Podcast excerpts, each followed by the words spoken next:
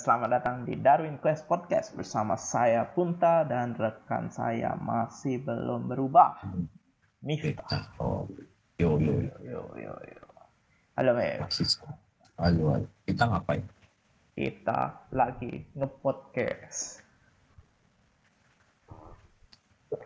Ngapain kita nge-podcast? Waduh, iseng sih. Kenapa kenapa nggak tidur aja hujan-hujan loh? Wah, duduk kopi nonton TV itu lebih asik. ya. Iseng sih. Eh, Ya kamu- ada ada ini. Kamu ini gak sih dengar dengar berita atau ngeliat TikTok nggak akhir-akhir ini? Aku nggak punya TikTok coy. Instagram, Instagram, explore Instagram. Jam. Aktual Instagram juga nggak punya. Explore. Aduh. Ini kan lagi ini Mev, lagi lagi ada yang viral nih, cuplikan-cuplikan video viral dari ininya boomingnya sih di TikTok, tapi yang ngeliput itu dari liputan 6 SCTV, buzzer investigasi. Tapi kayak di media mainstream ada nggak sih itu? Pak? Aku jarang menemukannya. Justru yang yang ngeliput ini malah SCTV. Iya, mainstream SCTV kan. enggak. Kayak misalkan di Kompas apa apa gitu. Di koran-koran kan aku bacanya koran. Hmm. Mungkin kan kebanyakan yang media-media yang yang ada tuh malah cuman apa memberitakan liputan liputan SCTV liputannya SCTV Oh gitu ya. Iya.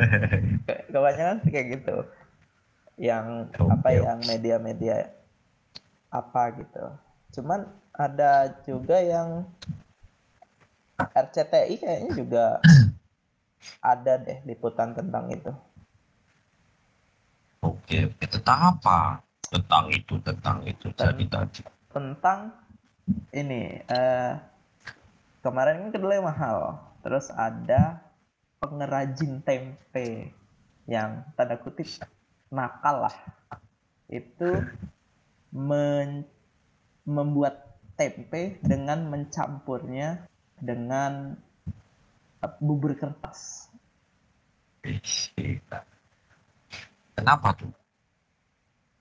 katanya biar jadi banyak tapi biar biar jadi banyak dan harganya terjangkau kan jadi nggak perlu beli kedelai dalam jumlah yang sama Oh, gitu. gitu ya. Diganti sama kertas ya. Eh, eh, diganti sama bubur. Lebih. Uh.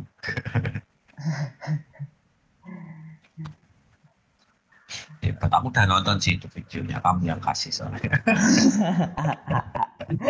jadi, jadi dari tadi basa-basi ya sebenarnya.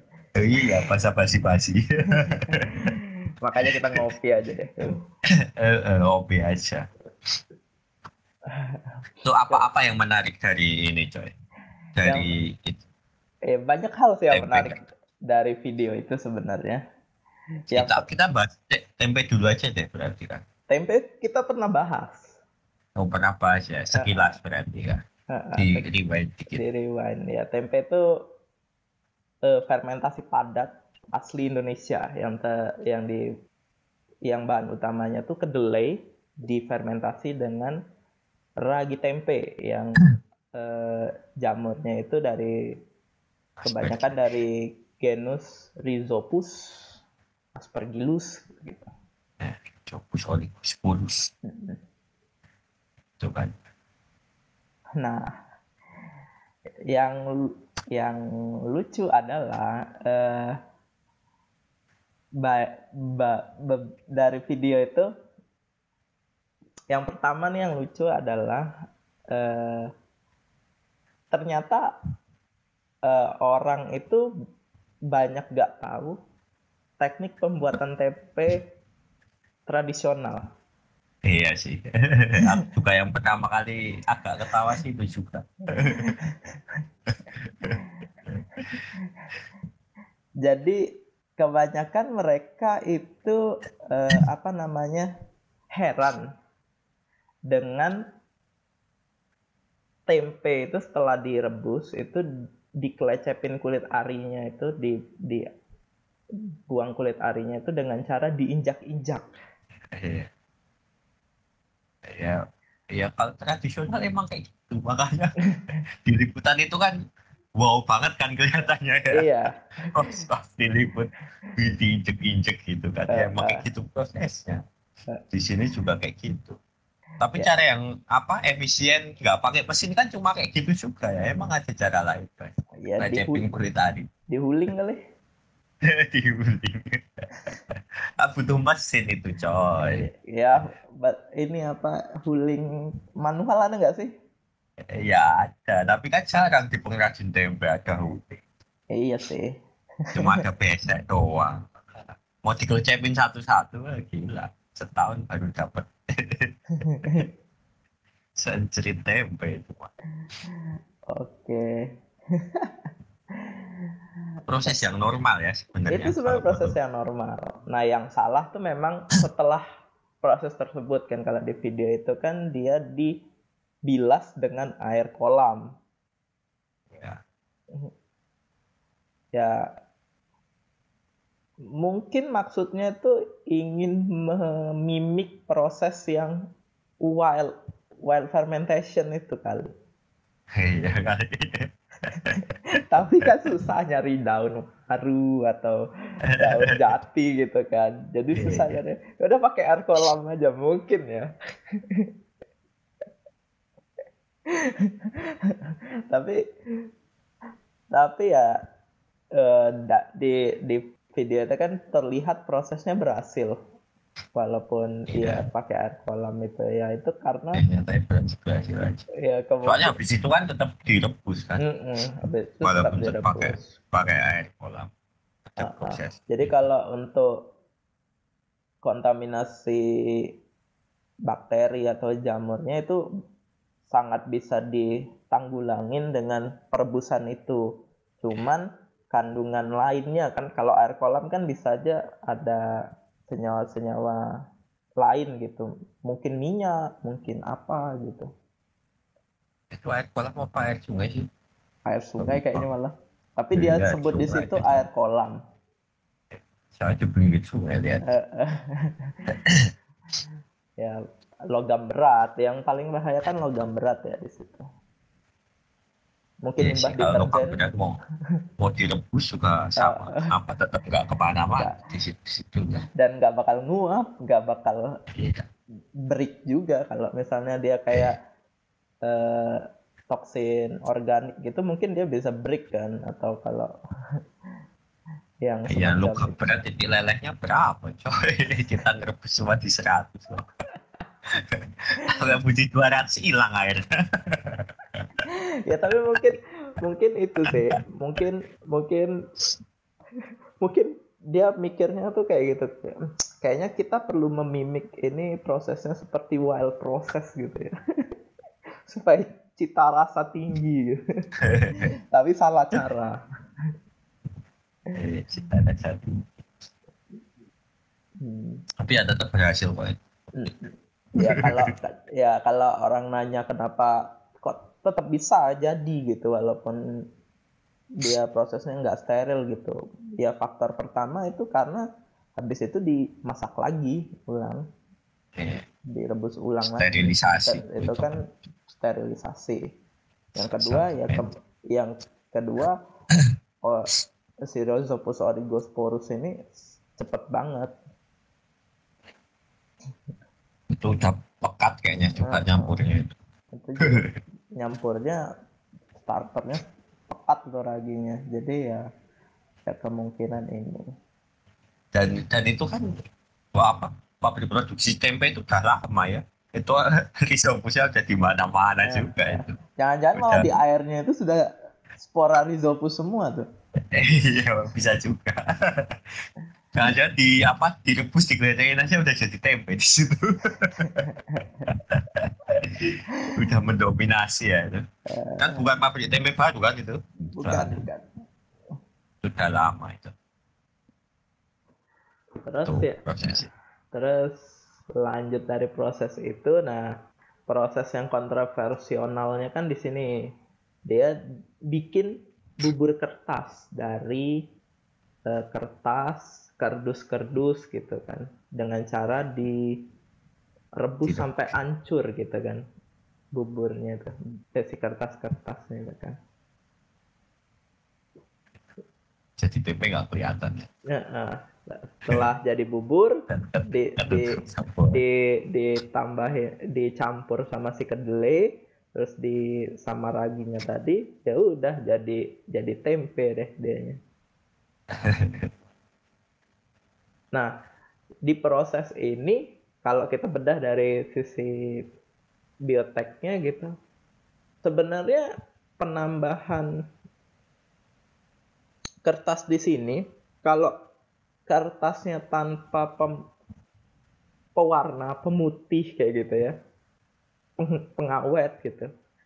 Jadi li literally cuman selulos kertas kan bubur kertas itu kan cuman selulos kertas kan. Iya. Kalau dia benar-benar bikinnya jadi pulp kertas itu kan. Selulos kertas. Iya. Sebenarnya ya lumrah untuk ini untuk si rhizopusnya bisa tumbuh.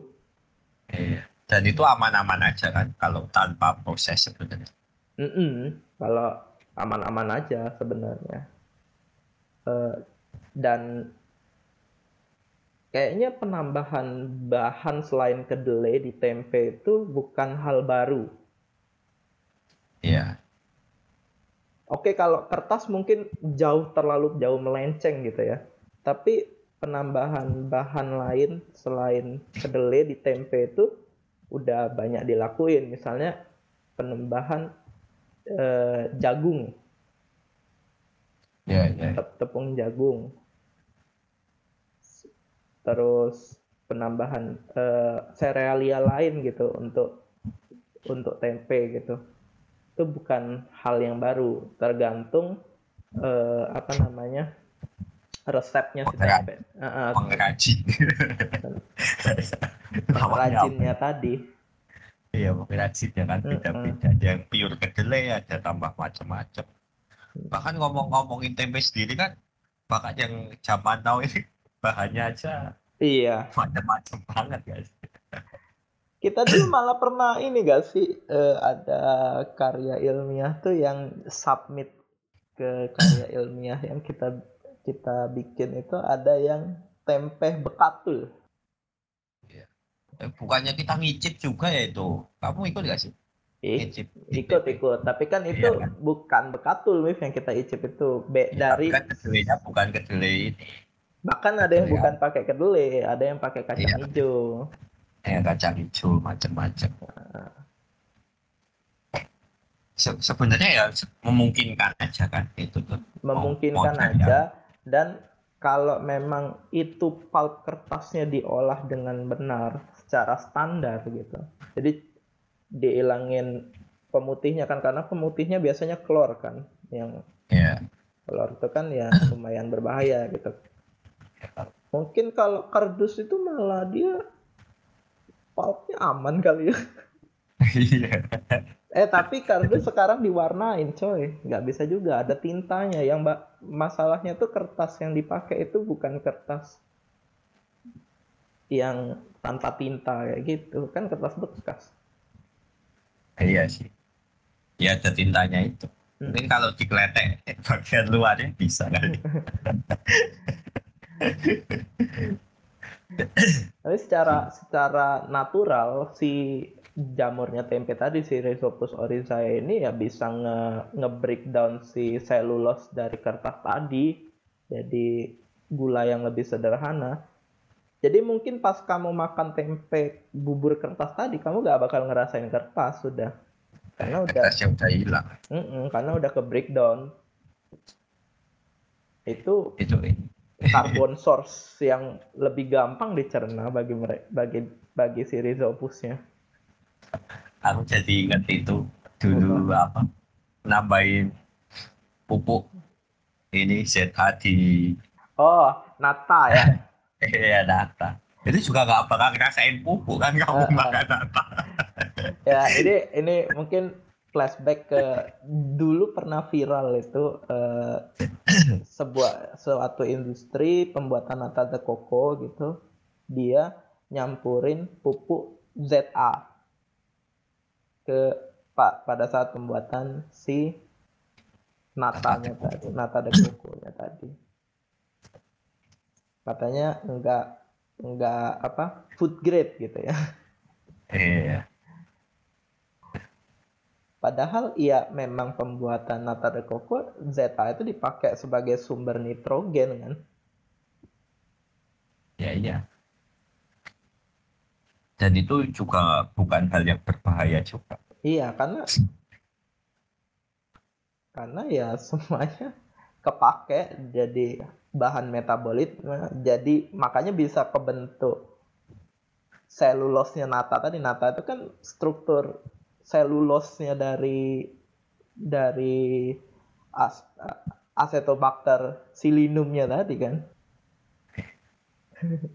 Itu itu pernah viral Iya itu pernah viral. Nah ini pernah viral kertas. Nah sekarang kertas. Nah kalau kertas ini memang ya kalau ZA tadi kita bisa anggap normal. Kalau kertas ini ya mungkin ke ini ya harusnya dia bilang kalau tempe ini dikasih kertas gitu ya. ini tempe nah, kertas. Tapi, enggak enggak gitu juga enggak, coy. Ya? Tempe kasih jagung juga bukan tempe jagung namanya. Iya pasti juga. keluarin. Gimana? Tempe dikasih kan bekat tetap tempe ya. Aduh. Iya tetap tempe namanya. kan bahan dominannya tetap tempe itu cuma additional gitu kan. Mm -hmm nggak dominan juga sih kertas itu. Terus kalau yang aku itu yang tadi yang eh, apa namanya di akhir video itu kan ada ada kayak ini apa riset yang dilakukan gitu kan. Oh iya. Riset yang dilakukan gitu. Bahaya bahayanya. Oh, oh bahaya bahayanya. Aku itu kita kita kita beda satu-satu. Yang pertama nih ya, yang kata-katanya nih ada di kertas itu terdapat 105 sampai 150 juta bakteri. Ya iya. Eh, iya itu itu mah air kolam juga banyak. Enggak enggak itu juga Bim. Enggak cuman si kolamnya itu. Si tempe yang kita nggak bikin dengan teknik yang kayak gini yang standar kita bikin tempe pengrajin tempe biasa. Ya jumlah bakterinya pasti di atas 10 pangkat 5 mi iya 10 pangkat 5 itu berapa ya? Sejuta iya. Ya, di atas itu. Ya. Iya. Nah, 10 pangkat tujuan loh paling. Iya, 10 pangkat tujuh itu normal. Nah, dan itu kan cuman ya kan itu kan beragam kan. Bis dan beberapa jenis bakteri itu justru mempengaruhi cita rasa si tempe toh. Iya. ya iya. Ya iya. Aku sih sebenarnya tadi mau bahas itu coy sudut pandangnya agak beda dikit. ya iya, ini kalau sudut pandang dari kita ya, kalau sudut pandang ya, dari kita. Iya, kalau enggak aku mau bahas sisi sisi kolamnya aja kalau belum terproses kan. Bahkan si kedelai sendiri itu bukan barang steril loh. Jangankan kertas gitu kan. Benar. Emang di, di, di kedelai doang tuh nggak ada bakterinya, di airnya nggak ada bakterinya. Itu. Tapi habis itu direbus ya udah selesai kan.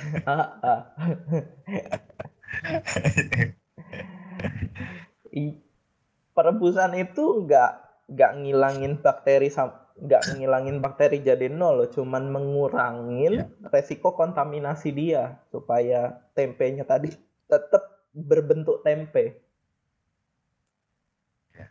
Jadi kan dia cuman dikurangin sampai di level tertentu biar dia nggak ganggu proses pentempehan kan. Bukan 100% hilang, Ya, susah juga kali.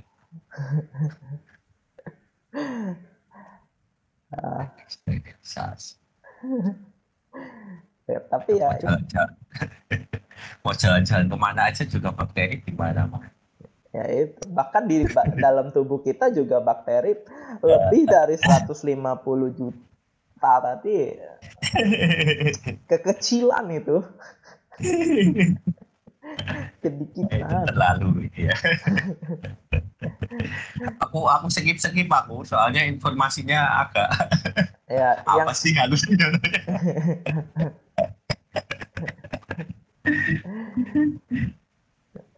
terlalu lebay.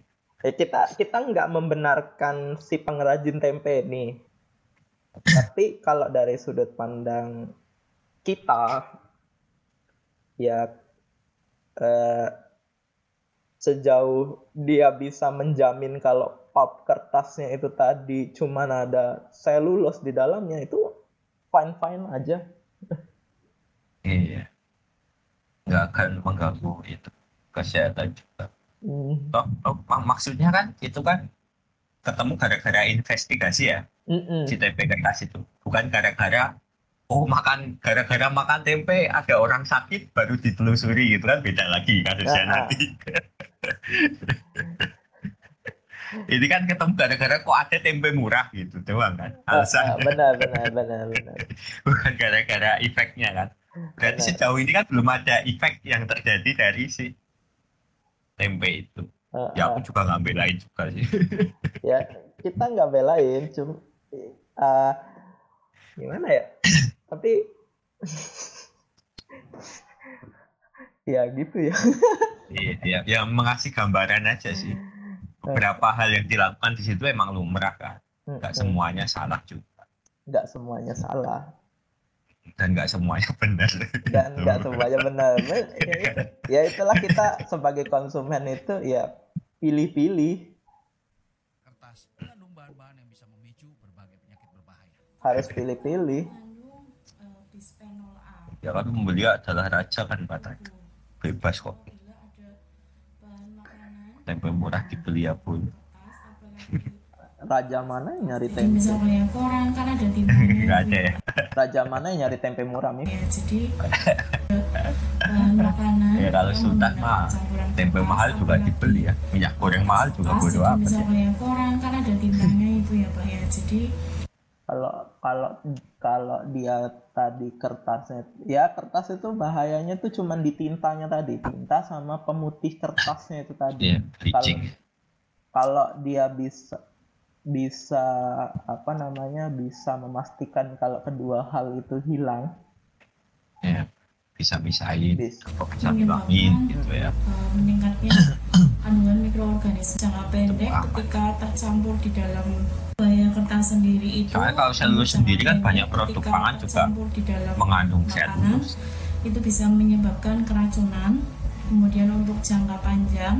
Jadi seperti penyakit kanker dan penyakit kronis yang itu bisa menyebut jangka pendek ketika ya kalau kalau apa coba ya aku dengerin dulu. Yang terakhir tuh dia bilang ada kandungan apa ya? orang aku kan lupa. ada tintanya itu ya pak. Organisme kemudian okay, okay. untuk bahaya kertas sendiri okay, itu untuk jangka pendek ketika tercampur di dalam makanan itu bisa menyebabkan keracunan. Kemudian untuk jangka panjang uh, dapat uh, menyebabkan berbagai macam penyakit kronis. Jadi seperti penyakit jantung, kanker, kelainan organ hati, bisa memicu berbagai penyakit aku aku pas dengar dari kamu pertama bayanganku udah bikin tempe dari kertas doang loh. Gak ada kedelainya. Eh ada ini bikin tempe dari Indomie. Ayo. Lah iya. Nah, itu udah lama itu tempe Indo. Ada ini orang bikin tempe dari nasi coba ayo. Oh iya ini yang harus di di benar di di apa dilurusin lagi yang terakhir. Ad, kalau di di akhir video itu kan dia jelasin kalau kertas itu ngandung bisphenol A. BPA BPA bis bisphenol yeah, yeah, A uh, ini perlu dilurusin, nggak semua kertas ngandung ini, cuman thermal paper yang pakai ini setauku. Karena ini kan polimer, nih.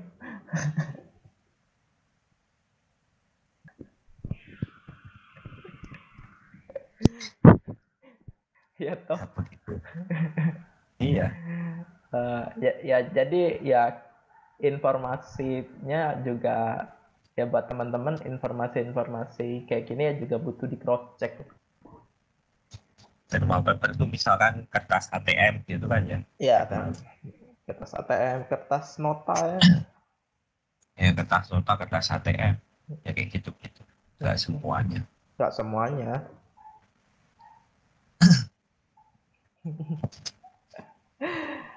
ya tempe. Uh, ini fun fact tempe ya. Sebenarnya tempe sendiri itu uh, dalam kondisi tertentu itu cukup toksik loh. Gimana? Karena kondisi apa? Karena tempe tradisional itu tidak melalui proses pengujian alfa toksin sama sekali. Sedangkan itu serealia. Ya, ya sangat rentan. jadi jadi ya se sebenarnya nggak cuman gara-gara bahan campurannya karena karena si tempenya itu sendiri dari raginya itu pun bisa mempengaruhi kesehatan. Kalau yang tadi ngomong uh kertas bisa bikin kanker ini ya mungkin tapi resikonya kecil untuk itu. Uh, pep paper dan ininya juga belum. Scientific researchnya juga belum ada yang nge-approve itu kan. Iya. Tapi kalau alpha toxin belum ada, belum ada yang. Kalau alpha toxin itu sudah terapprove nyebabin kerusakan liver yang parah. Ya, bahkan tanpa kertas pun tempe bahaya, jadi nggak usah makan tempe. Gak gitu dong konsepnya.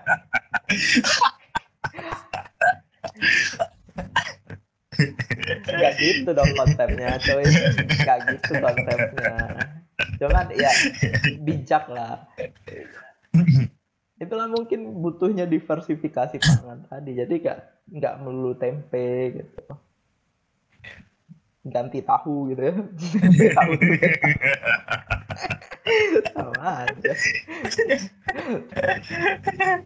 Ya itu kalau pusing beli tempe mahal bikin tempe dari nasi gitu kan ya.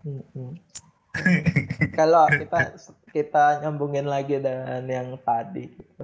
sebenarnya sebelum ini juga ada uh, ini kan uh, heboh tentang tempe GMO ya. Tempe yang terbuat dari kedelai GMO. GMO hanya import kan kedelai kebanyakan kedelai import yang GMO uh, itu bisa menyebabkan kanker segala macam gitu. Aku sih masih masih agak apa gimana gitu ya kalau misalkan ada ngomong ini menyebabkan kanker itu menyebabkan kanker gitu kan ya kecuali emang ada zat di situ yang proof bahwa itu menyebabkan kanker ya. Sebenarnya kita ini menyebabkan kanker sendiri loh. Karena ya, iya. sel kita selalu bermutasi. Tanpa ya, adanya mut tanpa adanya zat mutagenesis pun sel kita selalu bermutasi. Tapi sel kita nggak bermutasi kita juga nggak hidup sampai sekarang juga kali iya juga sih Iya, udah dari dulu nggak bisa beradaptasi kita kalau nggak mutasi. Nggak jadi manusia juga sih. Panjang. Gara-gara urusan tempe aja kita ngomongin teori evolusi.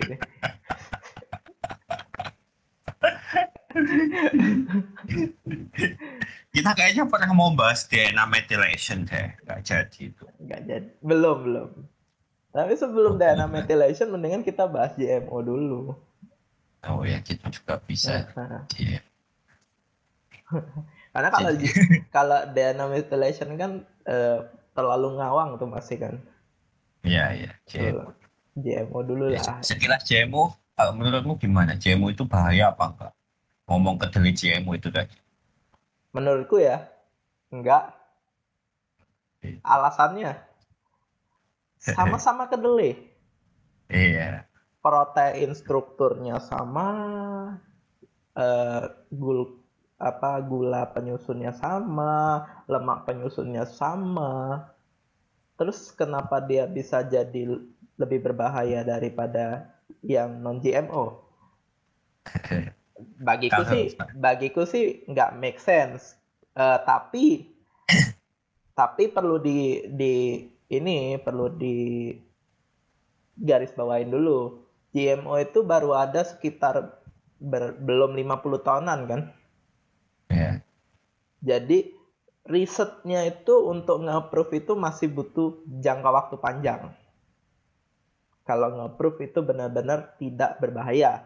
Tapi kalau aku pribadi sih nganggap ya karena kita belajar gitu kan dia kalau proteinnya sama struktur asam aminonya sama lemaknya sama terus apa yang membedakan GMO sama non GMO itu jadi jadi GMO lebih berbahaya itu aneh sih bagiku. Eh, by proses mungkin ya berbahaya ya. By Kalau processing processing Aha. menuju GMO, tapi result GMO-nya itu enggak enggak ada bedanya. Uh, processing GMO yang berbahaya itu yang masih konvensional, yang ditembak, yeah. Di eh, pakai uh, apa? Apa sih namanya yang untuk bikin duplet ya, triplet ya, itu, itu? Nah, atau ditembak pakai radiasi gitu kan mm-hmm. nah itu memang berbahaya tapi kan sekarang nggak gitu sistem GMO ada yang namanya mm. powerful tool sekarang wis. Iya, masukin nggak harus kayak gitu ya, gitu kan ngedit nggak harus kayak gitu. Ngedit nggak harus kayak gitu. Dan nggak random kalau dulu kan kita benar-benar random untuk GMO ya mungkin paling yang agak salah satu bahaya pas proofing pertama kali ya. Hmm. ngasih marker bahwa ini GMO berhasil apa enggak masuk apa enggak gitu kan. Hmm. ya kan? Kalau udah rilis ya udah. Itu nggak ada marker nggak ada macam-macam lagi si produk GMO itu hmm. udah kita malah jadi ngomong GMO ini gimana ya kan Nanti masih, ya kan tadi ngomongin tempe GMO Oh gitu ya. Dari CMO, tempenya nggak CMO. ya karena karena kedelainya GMO jadi tempenya GMO. Kan? itu GMO ya. Jawa tahu aspergillusnya juga ikut GMO gitu kan. Rhizopus nih, jarang tempe pakai. Oh iya. Aspergillus. Iya, aspergillus flavus. Ya, ya jangan sampai ada dong. Kalau ada ya bahaya. ya, ya itu tadi kan orang-orang mulai mulai bisa sebenarnya perkembangan uh, pemahaman orang tentang bahaya dan tidaknya dan meleknya orang dengan biotek itu mulai mulai kelihatan sih sekarang. Dulu tempe bosok masih banyak dijual di pasaran sekarang Dulu saya... itu nggak jadi masalah karena orang belum paham bahayanya. Enak loh tempe bosok. Memang enak kalau kalau kita kalau menjamin itu nggak ada yang si flavus tadi juga kan? Iya. Tapi kalau ya, ada, ya. ya untuk ngurangin resiko kan secara tradisional kan nggak ada tuh apa kita ngelihat oh ini ada rhizopus oh ini, eh, ini ada flavus oh ini nggak ada gitu kan nggak ada gitu secara tradisional mah mass productionnya yang hajar aja langsung gitu putih aman teksturnya oke baunya tempe udah jadi tempe lah itu quality controlnya paling apa? Paling ini apa dipencet-pencet. Masih anget hey, apa enggak? Iya toh. Jadi apa enggak? Udah empuk belum gitu kan? Ya oke okay sih melek melek biotek sih oke okay kalau yang sekarang. Cuma yang kalau aku agak ini sih mulai meleknya itu bukan by risk ya bukan gara-gara resiko apa gitu kebanyakan tuh. Tapi by issue gitu kan agak susahnya itulah kenapa kita bikin podcast ini. Oh, iya betul. Untuk mengomentari hal-hal seperti ini. Walaupun kita belum tentu benar setidaknya ada sudut pandang yang lain gitu. Tapi belum tentu salah juga kalau belum tentu benar kan setidaknya menambah sudut pandang baru gitu. Jadi nggak melulu sudut pandangnya itu kayak gitu. Nggak mainstream terus gitu. Bukan sudut pandang yang disuguhkan. Tempe.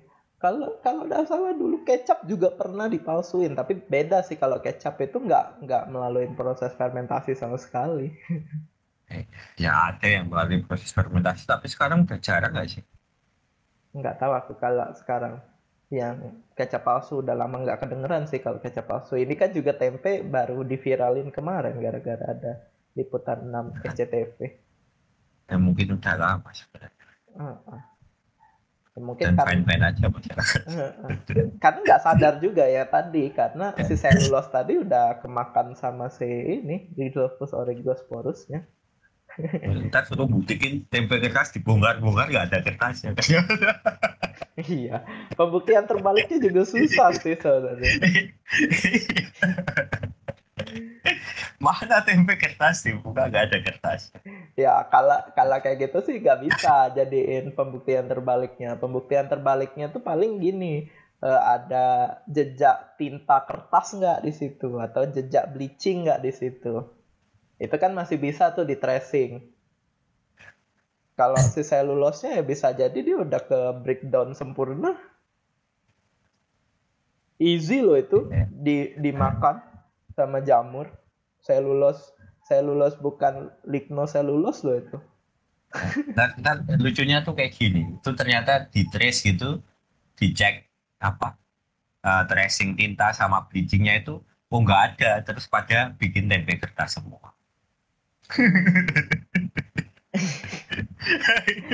Enggak, yang lucu ada lagi nih, yang lucu. Mungkin ini juga nih, lucu.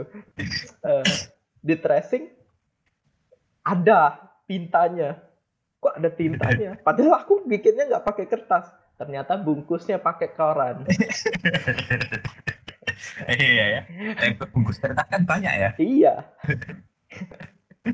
iya iya iya. Wah itu tempe, real tempe kertas kalau ada tempenya ada kertasnya.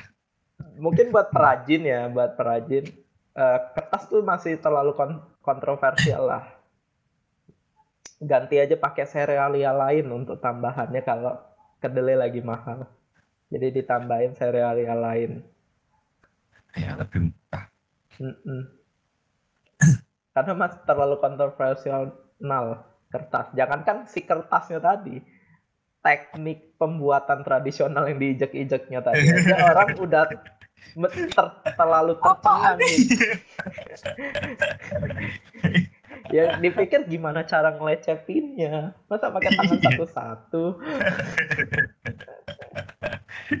Diinjek-injek. Wah banget ya oh, iya. injek-injek faktanya pembuatan wine tradisional itu juga diinjek-injek Iya. Karena ya nggak semua ya nggak semuanya canggih yang punya alat cooling, food crusher gitu kan nggak semua. dan, dan tempe pun kebanyakan kan masih kecil-kecil ya. Mm-hmm. Masih ada sebutan pengrajin itu berarti ya, small scale industri apa home industry kan berarti. Betul ya kalau dilihat dari ininya dari dari dari video itu kemarin kan juga pembuatannya dia nggak pakai single single kultur kan. Itu kan diturunin terus. Uh, uh, diturunin terus. Dia bukan pakai kultur murni.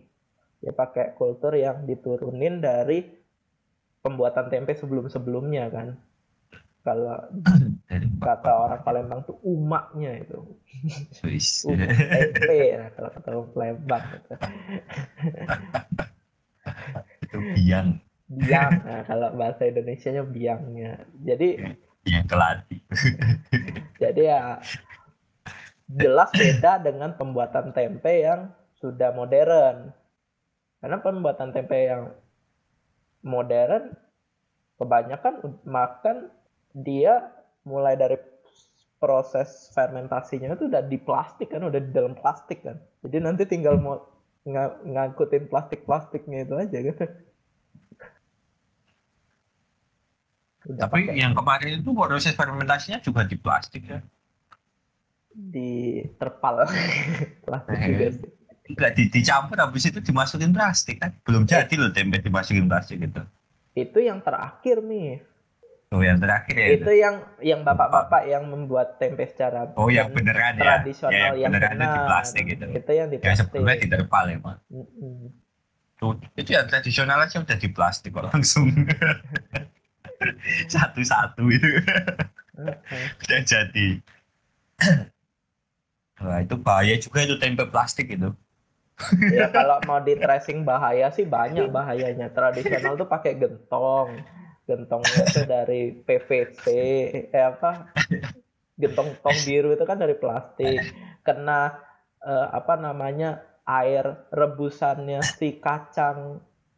Kacang itu ya panas. ya panas kan bisa aja kelas itunya senyawa volatilnya rilis. Ya kalau mau di tracing kayak gitu sih banyak.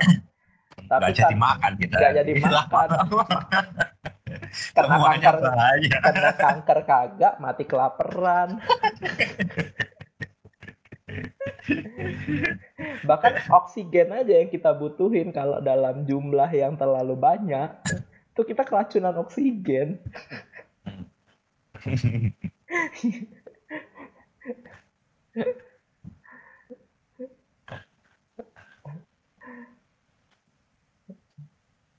Ya ya mungkin itu saja. Kita yang bisa kita bagikan sudut pandang kita mengenai tempe apa namanya tempe bubur kertas viral lah ya kali ini. Tempe, tempe plastik ada nggak? Tempe plastik?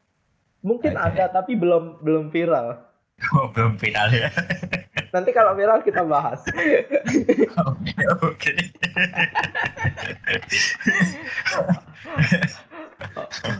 Oke, sekian Darwin Quest Podcast. Kali ini saya Bunta dan rekan saya. Sampai jumpa di Darwin Quest berikutnya. Bye bye. Bye bye bye.